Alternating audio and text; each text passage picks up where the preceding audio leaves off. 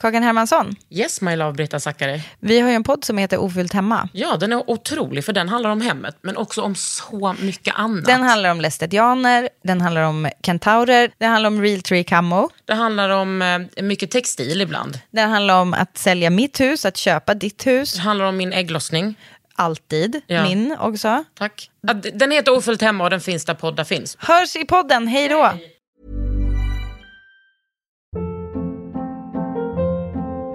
Hold up. What was that? Boring. No flavor. That was as bad as those leftovers you ate all week. Kiki Palmer here, and it's time to say hello to something fresh and guilt-free. Hello Fresh. Jazz up dinner with pecan-crusted chicken or garlic butter shrimp scampi. Now that's music to my mouth. Hello Fresh. Let's get this dinner party started. Discover all the delicious possibilities at hellofresh.com.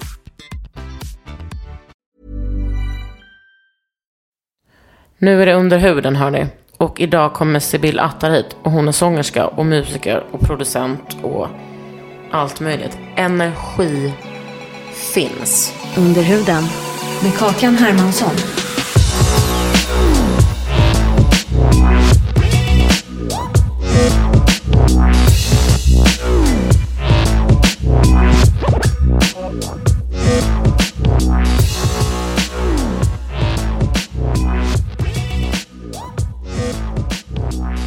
Vadå, man får väl säga vad du heter? Ja, men eh, ja, jag säger Attar. Okej. Men är det för att du är fransk? Attar är ett algeriskt efternamn. Min farfar är, eh, kom ju från Algeriet. Han flyttade till Frankrike ja, innan revolutionen. När var revolutionen? Ja, du. He, he, he. Är det 60-tal eller 70-tal? Ja, det är 60-tal. Så han flyttade dit innan, innan. Jag kommer inte ihåg exakt när revolutionen var. Algeriet, ett socialistiskt land. Ja, det kanske det är. Ja. Men han ville inte bo där. eh, Och så han flyttade till Frankrike. Och då bytte han namn, sitt förnamn. Men han bytte inte sitt efternamn. Va, vad bytte han från till? Från Moand, alltså som är som en version av Mohammed, typ, till Lucien. Men du ska tänka på att Frankrike hatade, alltså hatade människor från Algeriet och liksom Still do. Still do. De att, så eh, nordafrikaner. Ja, ja men det, det var ju svarta fötter, alltså svartfötter kallas de. Så att jag tror att det var väl inte så jättekonstigt. Alla hanterar ju det där liksom olika. Mm. Om, om, utifrån vad man har för, vad man är för person. Jag kände ju inte honom. Alltså, han dog ju jag när jag var sju. säga att jag skuldbelägger inte honom för att han har bytt namn. Nej, och det fattar jag. Men jag kan också fatta. Alltså ibland träffar jag folk som frågar om mitt eft- efternamn som är kanske från samma delar av världen. Ah. Och eh, jag får ganska blandade reaktioner när jag berättar att liksom, jag, jag kan inte arabiska, jag har ingen koppling till Algeriet överhuvudtaget. Jag tror att min farfar ville bo i Frankrike och ville lämna någonting. Jag vet, ju, ingen, jag vet ju inte särskilt mycket. Så att, ehm, men när jag berättar om det för, om jag, om jag närmar mig ämnet och de frågar, kanske börjar prata arabiska med mig eller så, så, eh, så är det blandade reaktioner. Vissa blir ju liksom provocerade. Det kan jag också förstå. För att det är ju deras kultur och deras historia också. Självklart.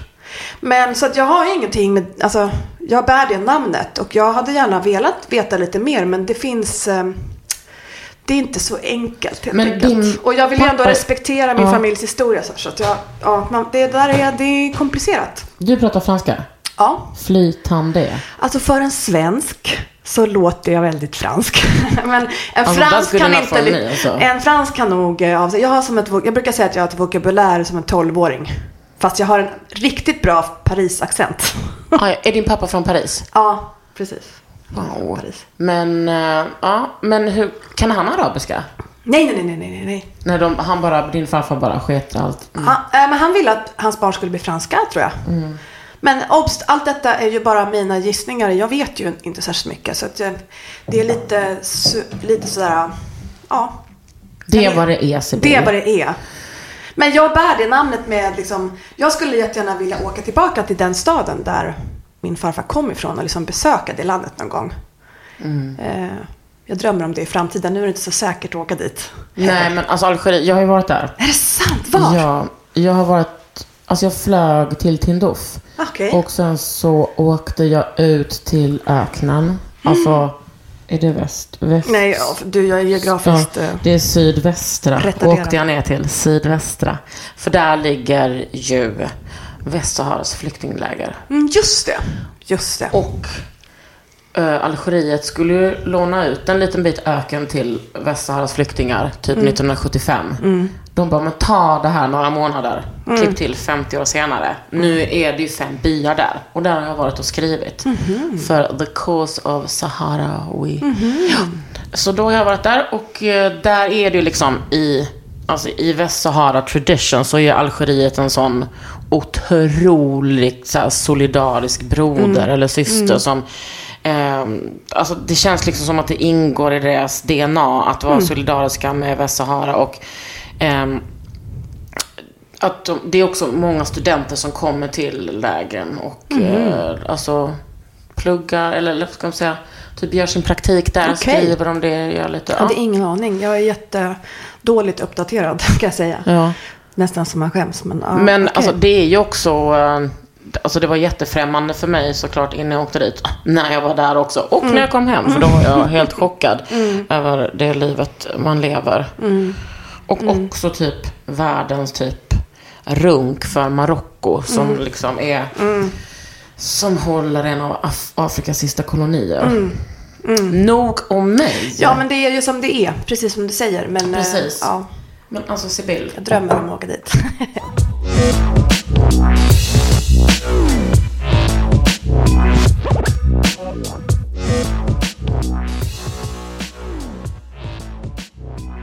Vet du vad jag drömmer om när jag kollar på dig? Nej.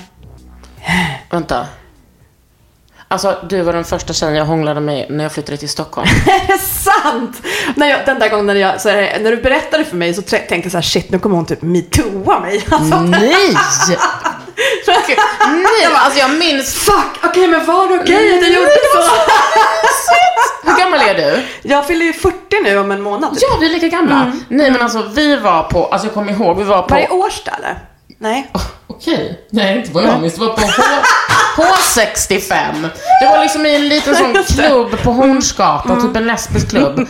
Och eh, typ så, jag gick runt där, jag var liksom kär i, en, i någon yngre tjej. Eh, och eh, vi gick liksom runt eh, där, det var massa olika rum och så bara... Men var det där Jala hade en klubb? Men alltså, Jalla var typ inte född då. Nej. Men alltså det här är 20 år sedan. Ja, ja, jag vet. Men vilka var det som... Ja, okej. Ja, men Nej, nej, nej. Jalla var jätteliten då. Eh, nej, men där var bara, dök du upp och du var så och du bara, du är så söt. Du är så, och du var ju så jävla snygg. Eller du är ju väldigt snygg, men då var det som att jag bara, Men det då var, man otroligt. Ja, vad mysigt att det var så. För du, när vi träffades på en 40-årsfest för inte så länge sedan och då så sa du det så här, men du slet in dig på toan och hånglade upp och jag bara, Just det! åh nej, tänk om hon Nej. ja, men det, Det var underbart. Ja, men vad bra. Tänk men att man liksom är- hade blivit upphånglad av en så här cool sångerska. kommer aldrig hända mig Ja, igen. man vet aldrig. Vi får väl supa till. Nej, jag skojar. Om någon hör det här, vadå, är du inte monogam? Eh, jo, jag är monogam. Där gick, där gick den chansen Just förbi. nu. Men du kan- Jag tror dock inte riktigt på monogami, men Nej, man måste monogami- vara samarbetad. Ja. Det ju. Jag Och, på en eh, podd med din kille. ja. Alltså, vi är tre. Ja, precis. Öppna upp med kakan här och så. Ja, mm, mm. Men vad har hänt sen dess då? Nej, jag skojar. Men vänta, Jo! du men undrar är- när det var? Det kanske var 99? eller? Nej, nej, nej, det var 2003. Ja, ja, ja. Så det ja. var- ja, det men det var låter 18 år helt rimligt. Alltså, jag, det var det, underbart. Jag bara Du dåligt minne. långt, alltså, det är lite större hår tror jag. Mm, kanske det. Men du, var, var är du ifrån? Jag är född och, och um, levde, levde mina första 15 år i Örebro. Mm. Nej, det var inget kul. Har Men jag- något, liksom Örebro känns inte som att det är så här. Alltså, var det är kul? intressant med Örebro, det för jag pratar med ganska många andra örebroare. Jag, har ju, eh, jag hade ju inga, jag hade kompisar i Örebro, det är inte det. Men när jag flyttade till Stockholm så liksom hade jag inte kvar dem så jättelänge efter. Men jag hade inte så jättemycket kompisar heller. Jag, var, jag, jag hade inte så mycket kompisar i skolan. Alltså, det här är något som jag har tänkt på ganska mycket nu för att eh, jag, jag har ett barn som gillar att vara själv rätt så mycket. Och eh, jag har liksom ganska starka minnen från när jag var ett barn och inte hade så mycket kompisar men själv liksom inte hade så mycket problem med det. Men att det mer var Ja. kanske att min Concerns, mamma jättegärna ja. ville liksom att jag skulle, ja men kanske oroa sig för det. Och nu ser, känner jag igen mig själv så här. Men gud, han kanske, eller mitt barn borde liksom ha fler kompisar och sånt. Men då kom jag på att eh, jag själv gillade ju väldigt mycket att göra grejer själv. Man var i sin Man projicerar liksom inte lite på sina barn. Nej, nej, nej, nej, nej, nej, nej, nej. Alltså, det är inte som barn- att han har en egen person. Nej precis, nej, alltså mitt barn är så nöjd med att vara själv. Ja. Han sätter sig bara med ryggen till mig när jag Ja. leka med honom. Han bara, mamma! Jaha, nej, mitt barn tyvärr, eller tyvärr att säga, men mitt barn älskar ju bara att vara med oss, föräldrarna. Han är så superkonservativ, eh, som de, brukar, som, de, som de blir så här nu när de är fem, typ, och man lever i par. Vill han bara att vi, vi ska vara med, alltså alla tre ska vara med hela tiden. Wow. Och om någon går ut ur rummet när man kollar på film så vill han pausa så att alla ska hänga med. Typ. Gud. Det är ju ganska, Undrar vad han kompenserar för. ja. Ask Freud. Oh my god. Vi Ja, det får de ta senare Nej, men så att jag kommer från, så att, eh, jag, har- men många av mina, back to the point, många av mina liksom Örebro-kompisar i, som jag lärde känna i Stockholm senare liksom delar den uppfattningen av mig att liksom den allmänna stämningen i Örebro när jag växte upp, liksom 90-tal, var ju att man hade lite så här. Men du ska inte tro att det är något. Ja. Att det är liksom den. Alltså som Och- alla andra svenska Ja, men ändå, det- för jag, för jag pratade med det med Sara Parkman också som jag hade en podd med förut. Hon är från Härnta. Ja, men hon pratar ju om det där med att man kommer tillbaka och att man liksom... Vi har pratat om det här i podden någon gång att eh, det finns ingen... Man blir aldrig så här lost, man blir aldrig mottagen med så öppna armar och Nej, går tillbaka. blir- utan det är så här, nej. jag kommer när jag var Grammis-nominerad, det var liksom knappt en notis liksom i Örebro. Man skulle kunna tänka sig att det skulle vara så här, Örebro stolthet typ. Nej men ska inte det vara liksom, det måste vara en annan genre. Alltså det måste vara fin kultur. Jag kommer ihåg liksom, jag och min pappa ändå varit med på På spåret. Två år. Och det var ju, alltså min pappa är ändå, eh, som vi brukar skoja om, fin och viktig. Alltså han har ändå så här, d- Vad jobbar han degree. med? Han är pensionär men han har varit forskare. Okej. Inom ämnet, sitter du ner? Religionspsykologi. Oj. Jajamän. Oj, oj, oj. Han gick från att vara mentalskötare till det. Men gud vad Inte spännande. jättestor skillnad på jobb tror Jag jag. Men eh, precis, mina, Men gud, båda mina föräldrar är mentalskötare från början. Okej. Och så blev mamma undersköterska och pappa blev, Forskare helt enkelt. Ja, och lärare. Doktor typ. ja, doktor. Mm. Åh jävlar. Mm. Ja men vad hände då när ni var med På spåret? Nej, gud att jag liksom bara, jag bara flummar ut. Jo men då tänker man ändå så, ja två Lunda-profiler, Mm. gör, att man kanske ska göra ett reportage i typ så Sydsvenskan. Nej, nej, nej, nej, nej, tro inte någonting. Mm. Nej. Men det, Men det kanske är vanligt då. Jag tänkte att det var Örebro specifikt. Jag, nej det är men jag vill inte också det. eh, officiellt liksom säga att eh, jag drömmer ju, alltså drömmer ju om att spela Örebro. Jag har Ja. aldrig, alltså jag har spelat i band sen, jag har spelat musik på scen sen 1998 stod jag på scen första gången. Varför ringer ni inte henne? Och jag har, vem? Dig. Nu, Vem jag ska säger, ringa mig? de som lyssnar på den här podden som är verksamma i Örebro, varför ringer inte ni? Nej men jag får, jag har aldrig spelat där. Nej men jag tror att jag har fått något bud men att jag inte kunnat gå ihop för att ekonomin har varit dålig liksom. Men, men- har de några bra liksom... Men vadå, eh, jag är ingen jättekommersiell folklig artist. Det, alltså det handlar väl om, jag vet inte. Fast det är väl det liksom- som är bra. Alltså man kanske inte kan ta dit Sara Larsson, men man kan ta dit Ja, Sibyl. det, man kan ju tycka det, men vi har ju ett ganska speciellt musikklimat i Sverige just nu och har haft det under Ja. ganska lång tid. Att, det, att vi som är på den här mellannivån, vi har ingen riktig plats. Och det är ju Mhm. ännu värre nu än vad det efter pandemin och under pandemin. Det är som att det bara har nått sin, så snart måste det ju vända på något sätt, tror jag, hoppas jag. Eller så får det bara brinna upp. Och, Jag har lärt mig så jävla mycket av dig. Alltså bara av att kolla på din Instagram. Är det sant? Ja. För jag har, alltså, man vet ju att det finns ju, det är ju ganska speciellt när jag började typ släppa skivor under eget namn och sånt. Men även när jag spelade med andra band som Vad spelar du för band då? var... Alltså, jag började med, ska jag dra hela? Jag, jag började Alltså med det är din podd. alltså det är min, men det är ditt Akta dig för att jag är superdålig på Nej men eh, det började med att jag hade ett band som hette The Tourettes och vi fanns typ mellan 98 och 2005 eller någonting. Wow, Mm. ändå länge. Ja, vi var ju skit... Eh, alltså vi repade typ två gånger i veckan hela tiden. Vi var galna och det är där jag... Liksom, det, där satte jag mina 10 000 timmar. Liksom för att bli... Tourettes, men det känner jag igen. Ja, men för vi var hypade back in the day. Vi blev så här pop, och, eh, spelade på Årets popstad och blev... vi- Det stod om oss i DN ganska mycket och så här... Ja, men på den tiden var, fanns det ju inte Vad var det Instagram. för... ehm, Eh, vad var det för genre? Ja men det var någon slags post, indie postpunk pop typ. Det kommer liksom upp ett helt annat band. Nej jag vet, brittiskt band. Det finns ingenting på internet om det längre. Du vet som man kanske kan hitta någon sån här gammal DN på Om stan inte, typ. om inte detta är du. Nej, det är inte jag. tjejen otroliga bröst. Nej men sen fick vi ju en manager, så trummisen från, från Teenage Fanclub blev vår manager och det var ganska stort på den tiden. Men, men, men vi fick inte ihop det och vi släppte aldrig en enda skiva. Men vi, har, vi, så, vi hade i alla fall en full skiva i låtar och vi sålde ju demos och vi... Och ni var typ kända på skunk. Ja men typ. Yeah. Men Coolt. ja, det var, och sen så började jag sjunga med ett, började sjunga. Inte spela. Och det var ju svåra bra för mig för att jag var ju instrumentalist i The Tourettes. Sen så blev jag ombedd att sjunga med några i ett band som heter Speed Market Avenue från Norrköping. Och när Tourettes la ner då hade jag bara det och det var värsta blowet för mig. Vad betyder det? Alltså att jag blev, eh, jag tappade liksom allt mitt självförtroende. För att, eh, ja men delvis var det inte särskilt bra eh, miljö. Inte särskilt, jag skulle säga att det var en ganska toxisk miljö. Vad är Tourettes för bara tjejer? Nej, det var tre, tre. tre trummisen och jag och sen sångerskan och sen var det tre dudes. Men sen bytte vi ut trummisen för hon flyttade till Tyskland. Hon kom från Tyskland. Och sen så på, på din nya grupp var det bara killar? Ja, och dessutom så hade jag ingen, alltså jag sjöng ju bara exakt vad de sa åt mig. Så jag hade, plötsligt var jag bara utsluten från, plötsligt hade jag, jag gått från ett band där jag spelade liksom tre instrument, skrev musik och sjöng och spelade, och spelade percussion samtidigt till att bara stå och sjunga typ backing vocals. På, men, men det gick ganska bra för dem och vi gjorde turnéer i så här Spanien och Italien och sånt där.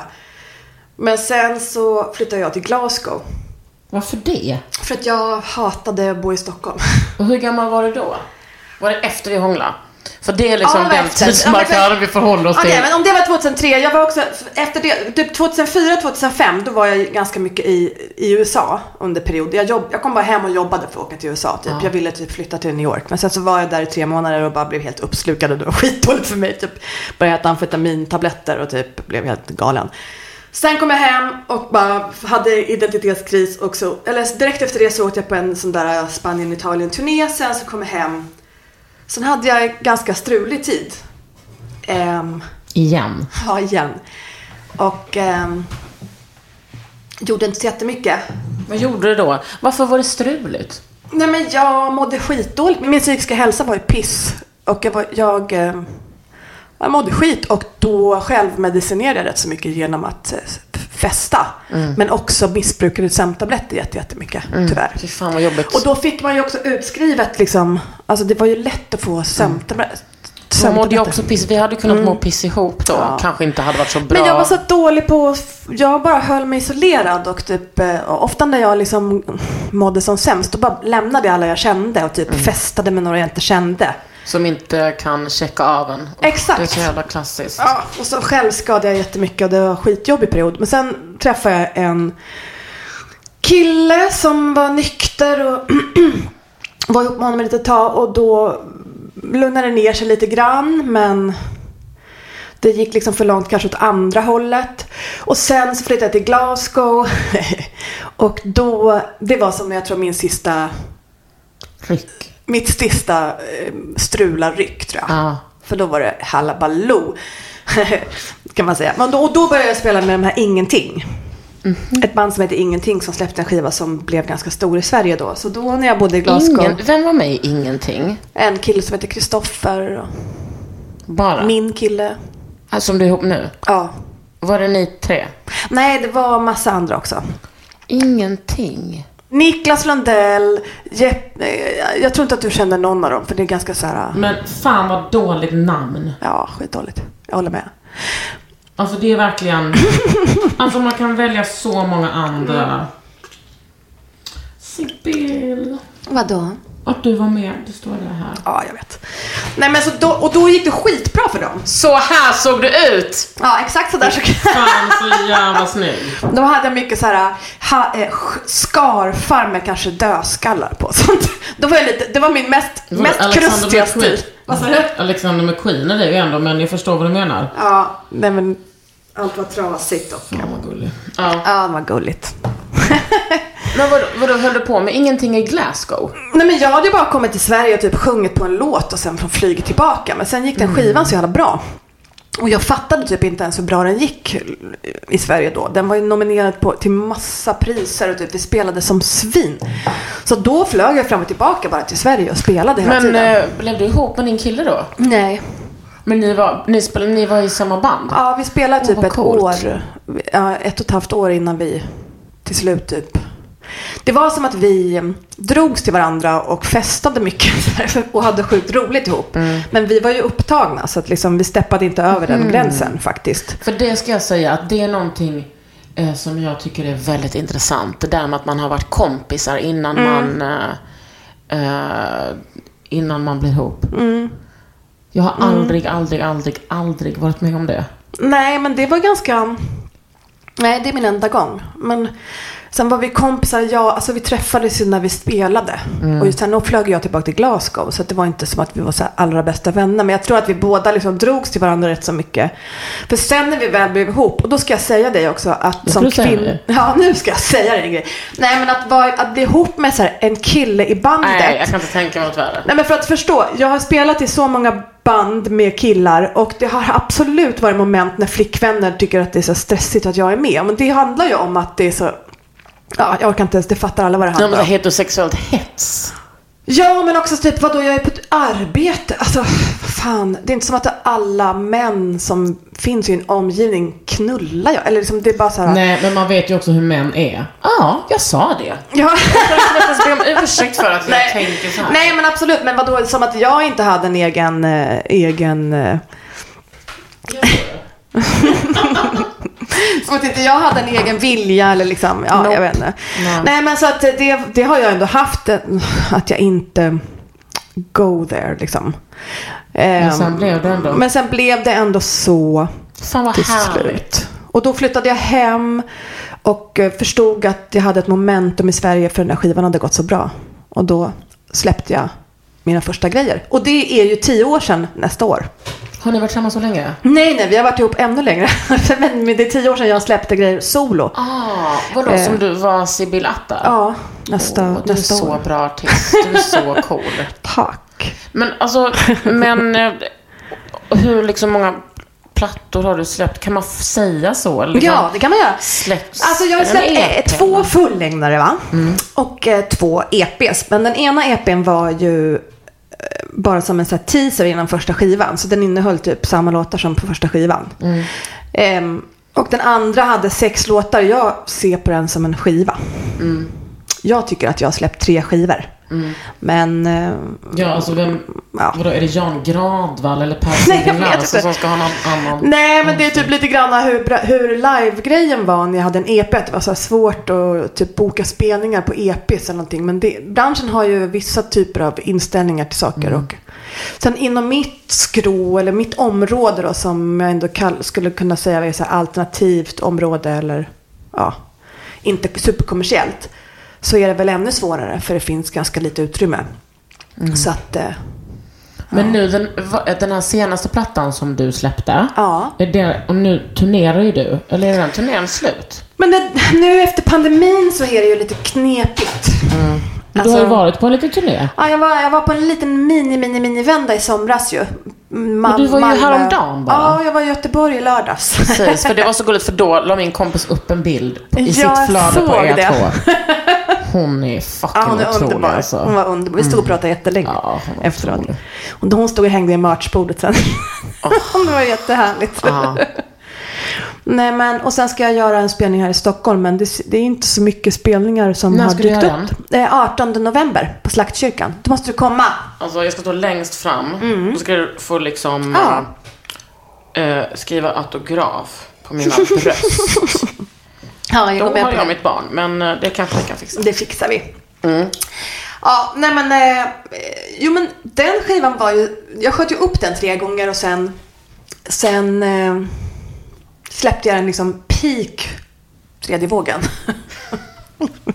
så att den har ju varit lite så här, hamnat lite mellan stolarna. Men sköt du upp den för att, eh, för att det var corona eller Ja. för att den liksom på grund av dens eh, innehåll? Nej, jag sköt upp den för att jag ville kunna spela live på den. Ja, ja, ja, ja. Men det känns ju som att den är så tung. Alltså att ämnena är så tunga. Ja, det är lite...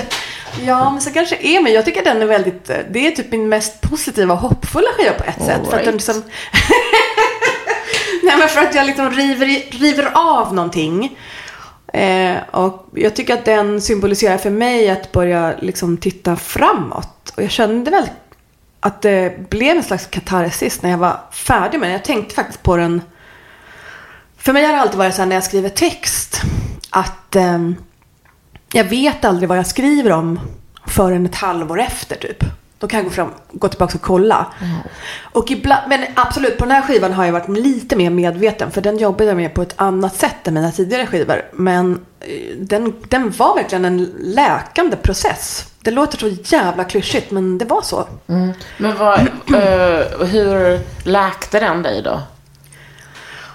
Um, nej, men jag tror att genom att verkligen gå in i vissa ämnen och samtidigt då jag har, jag har precis ehm, ja, men jag, jag har kommit på det senaste, eller jag, jag tror jag vetat det ganska länge att jag är sjukt medberoende och inte liksom inte bara till en sak utan typ allt runt omkring mig. Och att upptäcka det har ju tvingat mig på något sätt att börja se min egna del.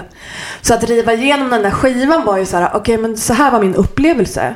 Men vid sidan av och den är ju inte helt självbiografisk heller. Alltså Nej. det är ju nästan aldrig, man kan använda sig av material men man får tänka på det som en autobiografi kanske. Man får också ljuga. Det är det som är så Ja. gött med att vara konstnär. Ja, precis. Eh, så man ska ju ta eh, allt med... Det får man ju ha i, i bakhuvudet, eller man säger. Men medan jag gick igenom alla de där eh, vissa upplevelser och arbetet med den där skivan så fick jag massa insikter om att jag hade en väldigt stor del i väldigt mycket själv. Jag tror att jag fyller ju 40 år i år.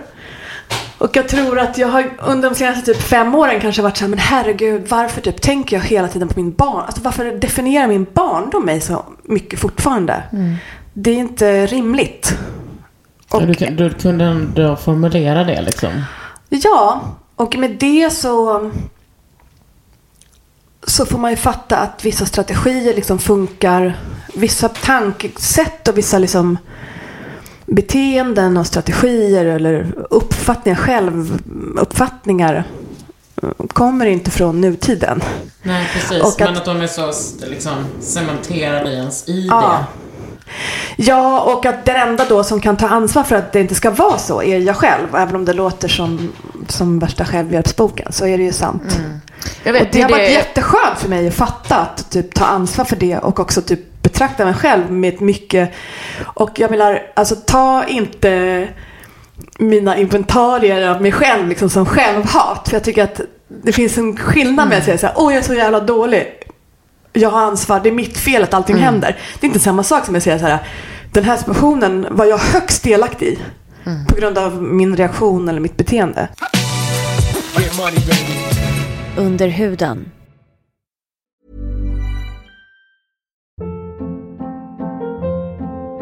Hold up. What was that? Boring. No flavor. That was as bad as those leftovers you ate all week. Kiki Palmer here, and it's time to say hello to something fresh and guilt-free. Hello Fresh. Jazz up dinner with pecan-crusted chicken or garlic butter shrimp scampi. Now that's music to my mouth. Hello Fresh. Let's get this dinner party started. Discover all the delicious possibilities at hellofresh.com.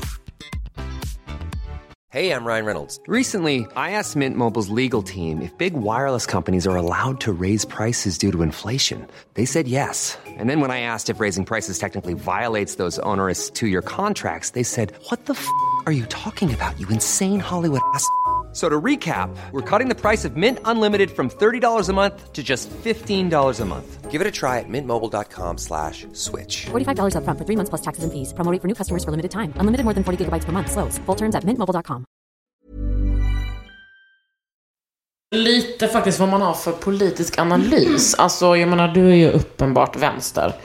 Eh, att man liksom har en kritiskt förhållningssätt till ett nyliberalt samhälle som hela tiden vill få fokusera på att, eh, men dels då att allt är möjligt. Alltså typ så American dream möjligt. Men också att inte bara möjligt utan om det inte är möjligt då är det ditt fel.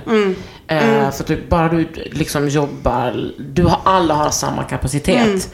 Eh, och även tycker jag, även om man har den politiska analysen så kan man ju tyvärr, alltså om man har vår politiska analys kan man ändå gå tillbaks och odla ett otroligt självhat när man gräver i sin barndom eller liksom i whatever. Jag är också så Jag har medberoende. aldrig tänkt på det där, men det kanske stämmer. Jag måste tänka lite på det mer, men det låter kanske rimligt.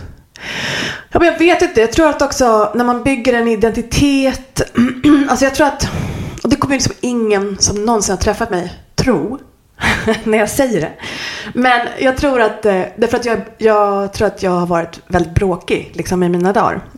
Men jag har aldrig någonsin klarat av att bråka för någonting som är viktigt för mig på riktigt. Nej. Så vet, jag kan stå på så krogen och typ skälla på någon om min kompis vägnar jätte, jättemycket och typ ta fighten. Men jag har aldrig kämpat för min egen grej. Nej. Alltså aldrig kämpat för min, mitt egna värde till exempel. Nej, nej men jag, jag förstår det och jag tror att det är, är också lätt att ha den överlevnadsstrategin. För att vad händer när man börjar typ tänka på vad man själv behöver? Då är det liksom så stora växlar, stora trumman och det kan fan bli läskigt. Nej, Men sen har jag också haft en annan strategi och det har ju varit att alltid vara hårdast i rummet. Alltså att alltid vara grövst i rummet. Alltså på turné, alltså det var ju också ett sätt att göra mig jävligt o, alltså untouchable i turnébussar eller i backstagerum och allting. Att alltid vara värst. För, Det- och hur kunde det vara värst? Ja då? men supa hårdast, festa hårdast liksom. Och um, Mm, var det så cool girl-grej. Jag, jag, jag skulle säga att min feministiska uppvakning, eller vad, vad heter det? Min, mitt feministiska uppvak, eller? Mande. Vaknande, mitt feministiska uppvaknande, det kom sent. Faktiskt.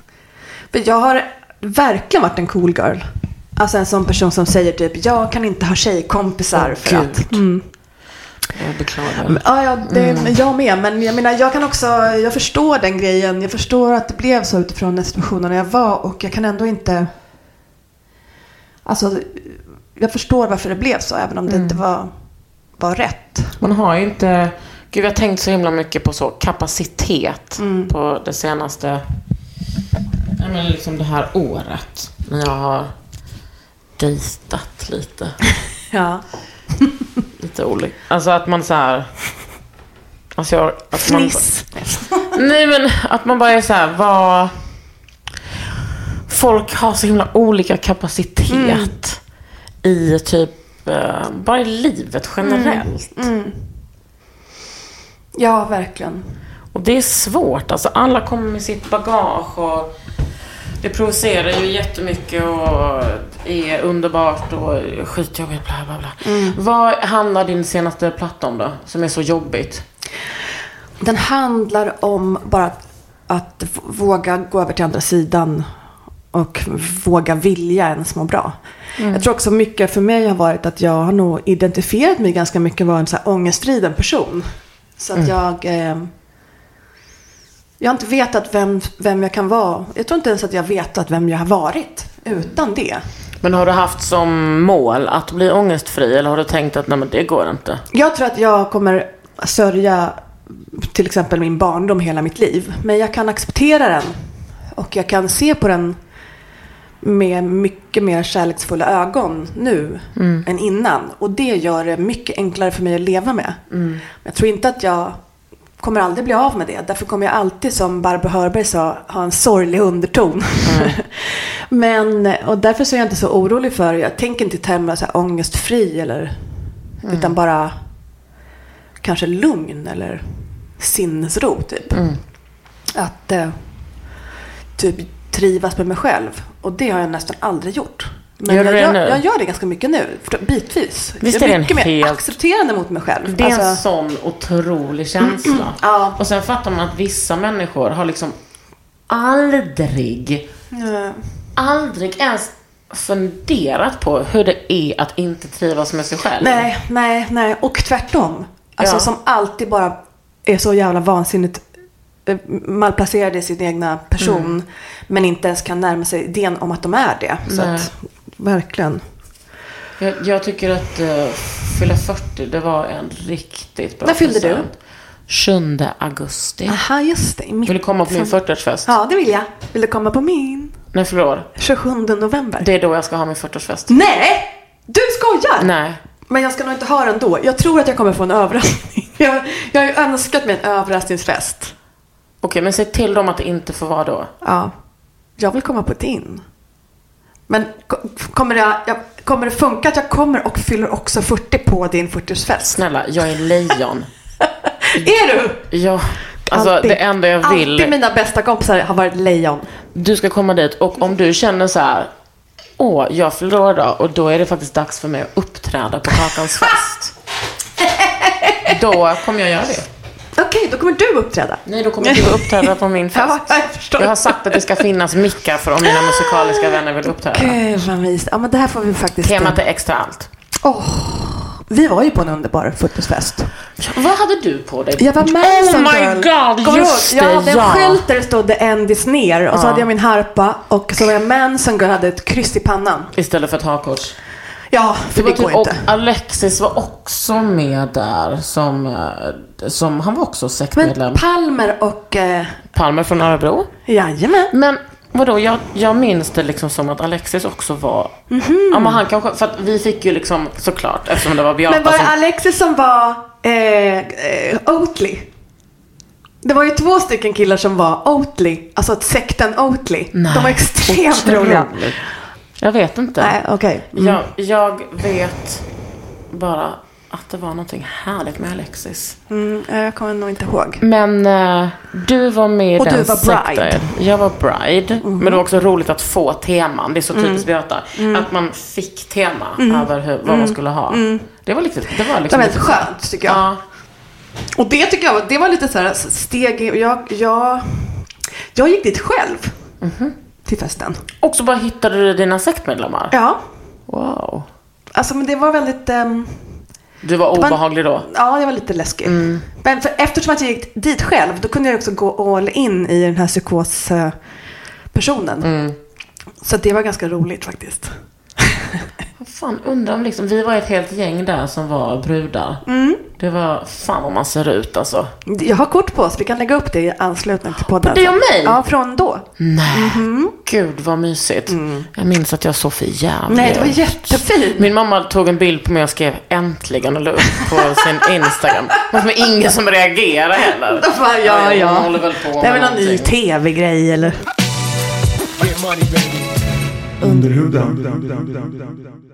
Men jag vill gå tillbaks till din eh, skiva. För att den Ja. behandlar ju ändå liksom jobbiga ämnen som typ att du var hemlös en period. Ja, alltså jag, jag eh, flyttade till Stockholm 97, sommar 97 och då skulle jag börja Men- gymnasiet. Ja, för då, så vill, då skulle du bara... Började gymnasiet i Stockholm och då hade jag en annan förälder, en förälder bodde här och en i Örebro. Men varför skulle du gå gymnasiet här? För att du skulle gå... Jag ville skitgärna bort från Örebro. Tidigt. Ja. Så att, ehm, ja, så var det. Och jag hade också velat flytta till den andra föräldern så himla mycket. För att jag träffade den sällan och liksom idoliserade den. Men jag kom ju med lite bagage. Och eh, om man då inte vet hur man ska möta det bagaget så kan det ju lätt bli lite fel. Om jag ska vara diplomatisk. Så att det blev ju så att det fanns ganska många tillfällen där jag inte, ja, när jag blev utslängd därifrån helt enkelt. Och jag hade ju ingen nätverk i Örebro, eller i Stockholm. Alltså jag kände ju inga vuxna eller liksom. Och efter ett tag så hade man ju sovit hos alla kompisar i, i skolan. Så då var det ju att jag sov på typ efterfester hos killar typ. Fast bara för att hitta någonstans att sova liksom. Nej men så till slut då eh, efter eh, liksom en tid, jag tror kanske att jag var 19. Så att låten du tänker på på skivan heter ju 1997. Ja. Men det var ju inte 97 det hände tror jag. Jag tror att det var 90, det måste varit 99 för jag tror jag hade fyllt 18 eller. Ja. Då gick jag till slut in på Maria, gamla, eh, Maria Katarinas, ja, SOS-kontoret helt enkelt och bara, jag orkar inte mer.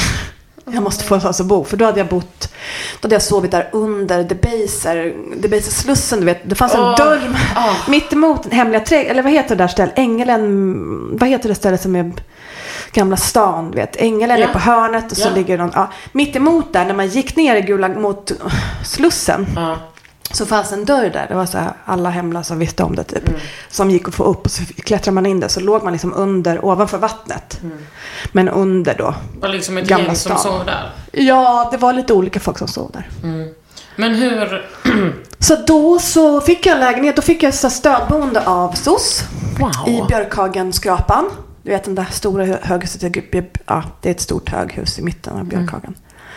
Och då bodde jag där typ ett år, sen flyttade jag in då hos min första pojkvän. Så att eh, Men så att det var ändå under hela din gymnasieperiod att du liksom... Ja, ja, men gymnasiet hade jag ingen chans. Inte en chans att klara av gymnasiet. Jag gick först eh, danslinjen och sen gick jag teaterlinjen, båda på Södra Latin. Och sen fick jag ett ultimatum. Södra Latin ville ju bara bli av med mig. Alltså, det var ju inte som att det var någon... De ville bara bli av med dig. Så då så gav de ett ultimatum som de visste att jag inte skulle säga ja till. Eller inte kunde utföra, typ. Ehm, så då bytte jag till Sankt Göran och då gick jag bild. Och sen hoppade jag av en, typ en månad senare. Så jag gick alla linjer. Alla estetiska Men linjer, när man minus är- musik.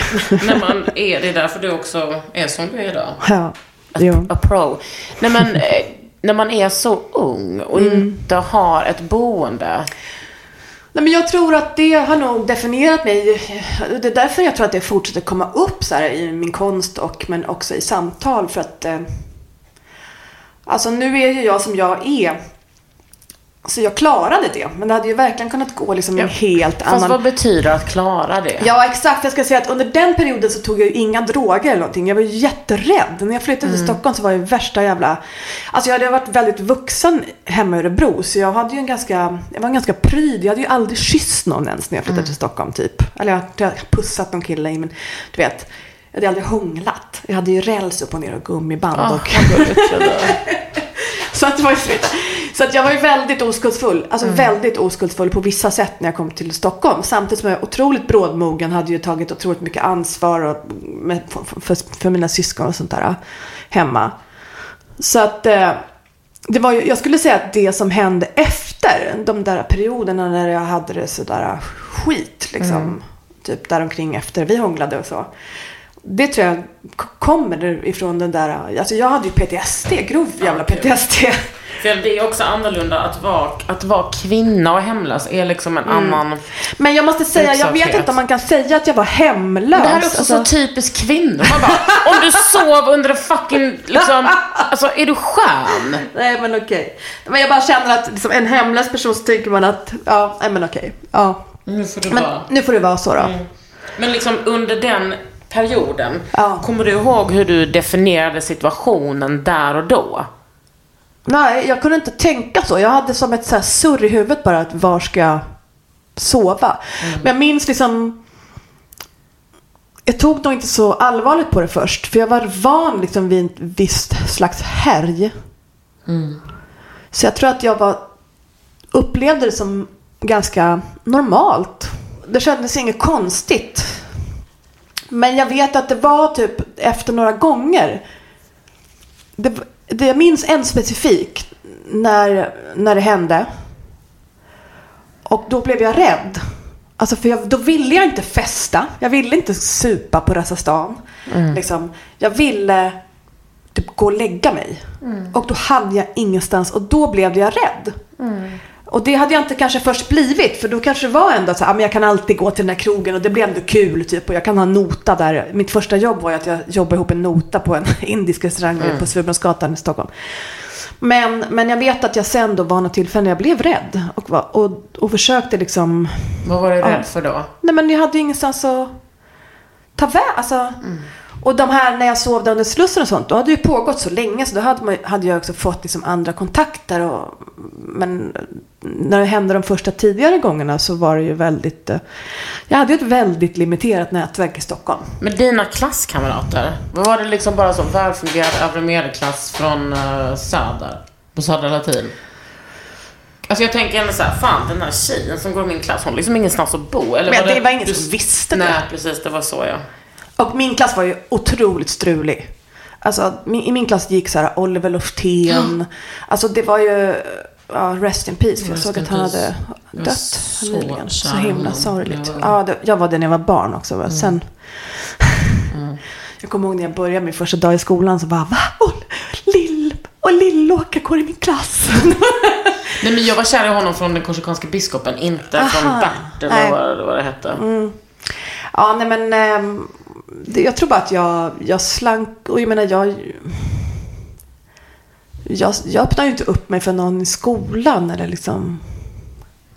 Nej vad fan vet man när man är 16 Nej, liksom man, man i fattar, men, ja, Man men det, det började inte förrän kanske när jag var 17 skulle jag säga. För det första året gick väl helt okej säkert. Men det, det var ju svårt för jag hade mycket obearbetat som liksom. ehm, Störde. som var lite i vägen. Men, eh, jag, har du Men jag skulle vilja säga att Södra Latin skötte det vidrigt. För jag menar, jag kom ju till skolan och var typ full. Jag hade ju ä- armar fulla av skärsår och liksom eh, var ju pytteliten. Och det var inte som att ingen visste att jag kom dit från en annan stad. Alltså, De gjorde ju allt bara för att jag, problemet, skulle bort från skolan. Och de lyckades ju med det. Ehm, så jag skulle vilja rikta en rejäl dänga till Södra Latin, men det gör jag lite så fort jag kan. För Jaha, jag, jag, nej, jag, så nej. jävla elitskola liksom, som inte Ja. tog hand om sina elever. Jag, jag, tycker att, jag tycker att jag sveks av skolsystemet. Ja. Ehm, Och vuxna generellt. Ja, och det tänkte jag faktiskt på häromdagen. Att eh, nu är jag vuxen. alltså, det Ja. året jag fyller 40. Nej, men att det tog jävligt lång tid för mig att lita på vuxenvärlden. Och det tog lång tid också för att ta kli- klivet liksom in i vuxenvärlden. Jag kände ingen liksom, ja, ingen riktig förtroende helt enkelt. Fan det är ändå sjukt att ens behöva definiera vuxenvärlden. Mm. Alltså det jag tänker att ganska många inte ens behöver göra det. Att det bara Nej. är en sån sömnlös... Övergång, ja. Ja. Ja. Men jag menar, ja. Jag är bara tacksam för att det gick så bra. Och att jag är på en plats nu där jag typ tycker om mig själv. Och eh, ja, mina, mina familjerelationer är ju kanske inte de bästa. Men det är väl inte så jättemånga så egentligen. Och det går ju också att arbeta på förhoppningsvis. Har du gått mycket i terapi? Ja. Men den bästa som jag fick. När jag var ung vuxen då så var jag ju väldigt mycket i. Det var ju också en period när mina föräldrar trodde att jag drogade. Så att jag gick på så här improviserade pissprov. Alltså jag var så misstrodd. Alla trodde att liksom, all min, alla mina farligaste grejer hände liksom efter det. För då var det så här skitsamma. Ingen tror ju mig ändå. Så jag kan lika gärna prova göra de här grejerna. Ja. Men när, när jag skulle gå på Maria Pool och pissa. Du vet att sådana här, im, vad heter det? Impuls, de hör av sig bara, ja du måste komma in nu typ. Då hade jag inte ens provat någonting. Alltså, då gick jag och pissade. Helt oskyldig, eller man ska säga. Eh, Helt under ren. en lång tid. Helt ren. Och sen sista mötet så bara, ja, nu har ju Sibyl pissat rent här. Men eh, då syns ju inte de här drogerna. Sen bara radd, radd, radd. Bara, "Ja, Okej, då var det helt i onödan. För de trodde inte. Alltså, Så jag tror väl att eh, jag är väl, ja vad ska jag säga? Jag är ändå väldigt tacksam för den platsen jag är på idag. Och, att du blev musiker. That's ja, pretty det är jag inte så cool. jättetacksam för hela tiden. Men jag borde vara det. Vad skulle du annars vilja vara?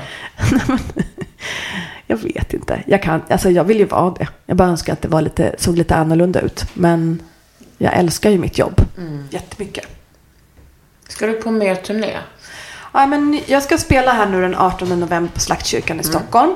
Sen vet jag inte, sen ser det inte så ljust ut i resten av året. Men man får ju se vad som dyker upp. Det är ganska mycket också som är så här, nej men nu måste vi, alla de som fick inställda spelningar då och då, de ska spela nu. Typ. Och så större artister. Vad gör du när du liksom, alltså är du mycket i studion? Är du i studion varje dag? Alltså jag, har ju, jag bor ju i en hyresrätt som har väldigt många rum. Så jag har ju mitt arbetsrum i min lägenhet. Men den är ju liksom som en annan del av lägenheten. Så det blir som att man är, går någon annanstans. Vilket är bra, för annars tror jag inte hade funkat så bra. Men ja, nu skriver jag ju ny musik. Alltså jag börjar ju bara om. Men det har varit lite svårt att eh, finna energi till det efter den här pandemin. Men nu är jag igång och sökt pengar och ja, börjar om. Ja, det är inte lätt alltså. Ja, men fast jag måste säga att den här under den här pandemin så har jag fattat att det det har faktiskt gått ganska bra för mig under den här pandemin, måste jag ändå säga. Jag har ju varit upprörd över hur det har sett ut och jag kommer ju alltid tycka att våra villkor kommer, eller behövs förbättras. Och liksom gager har dumpats och jag har uppmanats att liksom sänka löner och sånt där, vilket jag inte gör. Ehm, men någonting jag har upptäckt är ju att alltså, det, det, det har gått bra för mig det här året ändå, på något sätt. Alltså, ekonomiskt helt okej. Och jag har fått krisstöd. Jag skulle säga att det har varit det som har varit ehm, tyngst under pandemin har ju varit att man har förstått att eh, kulturen är så ansatt och speciellt den alternativa kulturen. Ja, alltså jag sökte inte ens krisstöd. Nej, För att jag tyckte att det var osolidariskt. ja, jag var tvungen för jag hade ingen Ja, ja, ja. Alltså, det är det jag menar. Nej, men visst. Ja, men jag vet folk som har fått krisstöd som jag har tänkt, ni behöver inte krisstöd. Nej. Och det provocerar mig så jävla mycket. Ja, jag fattar det. Gör det inte det med dig? Jo, fast jag orkar inte bli provocerad för att det tar så mycket energi. Ja, nej, Alltså jag orkar liksom, ska, jag kan inte göra någonting åt det. Eller liksom, jag, jag skulle snarare vilja säga då att systemet med krisstöden i sånt fall har varit eh, faulty, alltså felaktiga. Snarare än individgrejen. Liksom. jag vet. Men, Men men jag fattar att provocera. Ja, det är klart man kan bli det. Men jag, bara, jag har haft så mycket annat att vara sur på. Typ. Ja, Jag med. Alltså, gör, det får plats. Det får plats syra, om jag säger så. Nej, men jag, jag har i alla fall fattat det här året att jag har en ganska bra position. Eh, där jag blir, ändå blir hörd. Och liksom kunde starta det här uppropet som fick massa underskrifter. Och SVT ringde. Och, alltså jag tror att jag har förstått att jag har en ganska bra plats på något sätt. Ändå. Skönt. Ja, det var skönt. Alltså framförallt är det som det är. Exakt. Det går inte. Man får, man får, det går inte. Man kan bara ändra sig själv. Alltså det sjuka är att... Förlåt. det Nej. Man så rolig. Nej, men alltså det sjuka är att man kommer till insikt om det. Mm. När man bara försökt förändra människor hela sitt liv. Man bara, de stupid motherfuckers. Eller branschen. Men det betyder ju Nej. inte att man inte ska fortsätta vilja typ ha revolution. Ja, precis. Men, Nej, liksom, nej, men man kanske ska välja sina strider lite. Och det känner jag att jag inte har gjort så bra i livet. Jag blir matt när jag hör strid. Hör, kände du nu min energi? Ja, den dog ur. Jag ska åka och köpa en ny bilbarnstol och det Aha. känns Vänta nu, va- ah, en sån här sitt, en sån här puff. Ska du göra det nu? Ja, Jag kanske hänger med. Har du bil? ja man. Åh nej, men jag har cykeln. Men Fan. varför har du cykel? Det är så stört. Men jag älskar att cykla. Jag hatar att åka tunnelbana. Jag älskar i och för sig att åka bil. Mm. Men jag har ingen egen bil. Nej, det har jag. Oh. Men inte för att skryta.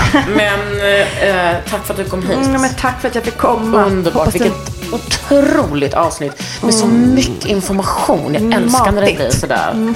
Ja, du, eh, jag heter Kakan Hermansson och du har lyssnat på Under huden med mig och Sibyl Attar.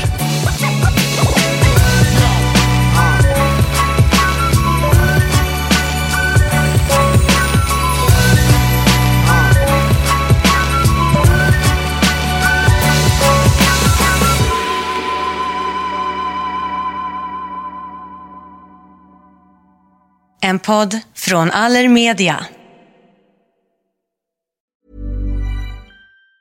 Ever catch yourself eating the same flavorless dinner three days in a row? Dreaming of something better? Well, HelloFresh is your guilt-free dream come true, baby. It's me, Kiki Palmer. Let's wake up those taste buds with hot, juicy pecan-crusted chicken or garlic butter shrimp scampi. Mm. Hello Fresh. Stop dreaming of all the delicious possibilities and dig in at HelloFresh.com. Let's get this dinner party started. Hey, it's Paige DeSorbo from Giggly Squad. High quality fashion without the price tag. Say hello to Quince. I'm snagging high-end essentials like cozy cashmere sweaters, sleek leather jackets, fine jewelry, and so much more. With Quince being 50 to 80% less than similar brands. And they partner with factories that prioritize safe, ethical, and responsible manufacturing. I love that. Luxury quality within reach. Go to quince.com slash style to get free shipping and 365 day returns on your next order. Quince.com slash style.